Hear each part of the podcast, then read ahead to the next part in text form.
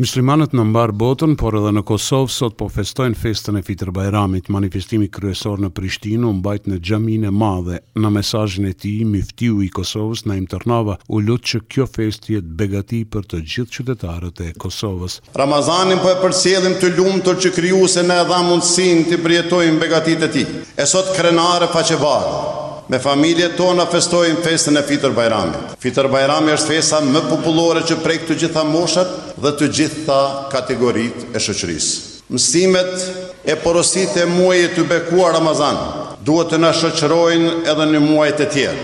Dikur lirinë e vendit e kishim ide e projekt, teksa tani falë sakrificës shekullore të popullit, tash e sa kohë shtetin tonë e kemi realitet. Por si qytetarë të këtij vendi, e kemi obligim që ta bëjmë më të mirën për vendin tonë, që ta bëjmë atë të jetueshëm për të gjithë kategoritë e shoqërisë. Braktisja e vendit nuk është zgjidhje e duhur, sidomos nga të rinjtë dhe ekspertët tanë. Të mërkurën edhe zyrtarisht u nënshkrua vendimi për liberalizimin e vizave për Kosovën. Raportuesi i Parlamentit Evropian për vizat për Kosovën, Thijs Reuten, tha se më së largu nga një janari i vitit dy mijë e njëzet e katër shtetasit që kanë pasaporta të Kosovës do të mund të lëvizin lirshëm në zonën Shengen. I pranishëm në këtë ceremoni ishte edhe zëvendëskryeministri i parë për Integrim Evropian, Zhvillim dhe Dialog i Republikës së Kosovës, Besnik Bislimi. Sapo, U kthyem nga ceremonia e nënshkrimit për liberalizimin e vizave të Kosovës, që tashmë u bë vendim zyrtar. Ky vendim do të publikohet në gazetën zyrtare brenda 20 ditësh dhe bartësit e pasaportave të Kosovës do të mund të lëvizin lirshëm në zonën e Schengenit më së voni më 1 janar 2024. Megjithatë, e bëmë argumentin tonë. Pra, jo vetëm duke i përmbushur kriteret, por Kosova ka përparuar në fushat e sundimit të ligjit, luftës kundër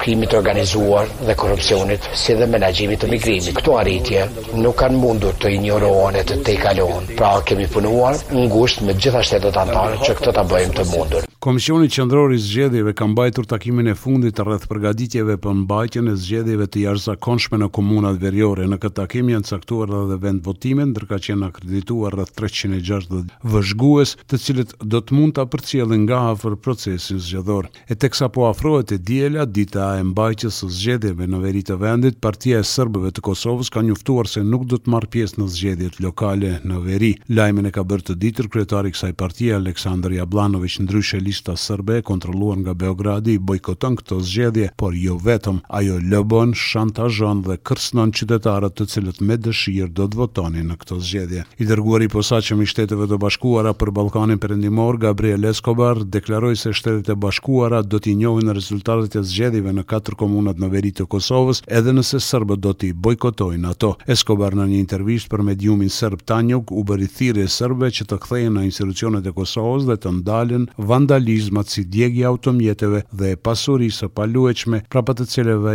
ai tha se nuk fshihen shqiptarët por serbët. Ministrja e Drejtësisë, Albulena Haxhiu, i bëri thirrje Prokurorisë Speciale që të trajtojë me seriozitet çështjet e krimeve të luftës. Ajo thotë se kanë fuqizuar kapacitetet në këtë institucion, anipse Këshilli Prokurorial i Kosovës nuk ka përfunduar procedurat e rekrutimit. Përkundër që ende nuk ka asnjë aktakuzë të ngritur për gjykim në mungesë, ministrja Haxhiu thotë se ky ligj ka nisur së zbatuari. E para e drejtësisë, shprehet se mbetet prioritet adresimi i krimeve të luftës, për çka kanë ndërmarrë disa veprime. Paraprakisht, ne duhet të sigurohemi që Kodi Civil kalon dhe për këtë arsye kjo na ka marrë kohë, sepse jemi në koordinim me deputetët e grupit parlamentar, sikurse pastaj kemi nevojë edhe për mbështetjen e opozitës. Po synimet tona janë që i njëjti të kalojë, pra që të mos ketë fatin sikurse ka pasur në të kaluarën.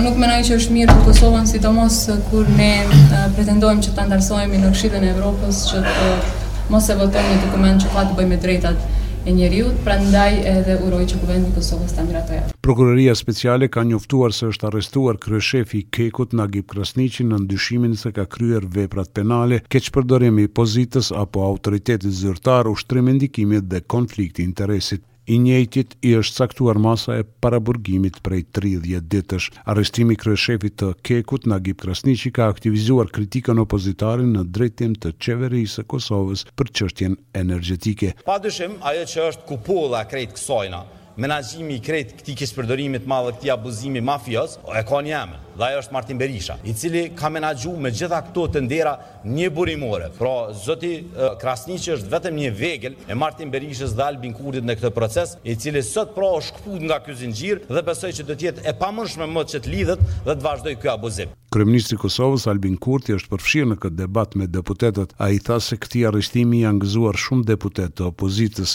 Kjo çështje ka fakte dhe ato ne urojmë e shpresojmë që të merren me profesionalizëm dhe me përpikëri. Është fakt se pati një gëzim opozitar për arrestimin e kryeshefit Krasniqi. Mirëpo ky është Fakti i opozitës, nuk është fakt i çështjes. Kurti tutje ka thënë se në KEK ka pasur keqpërdorime edhe në të kaluarën por nuk janë trajtuar nga ana e prokurorisë. Për Radion SBS, Mendu Hysa, Prishtinë.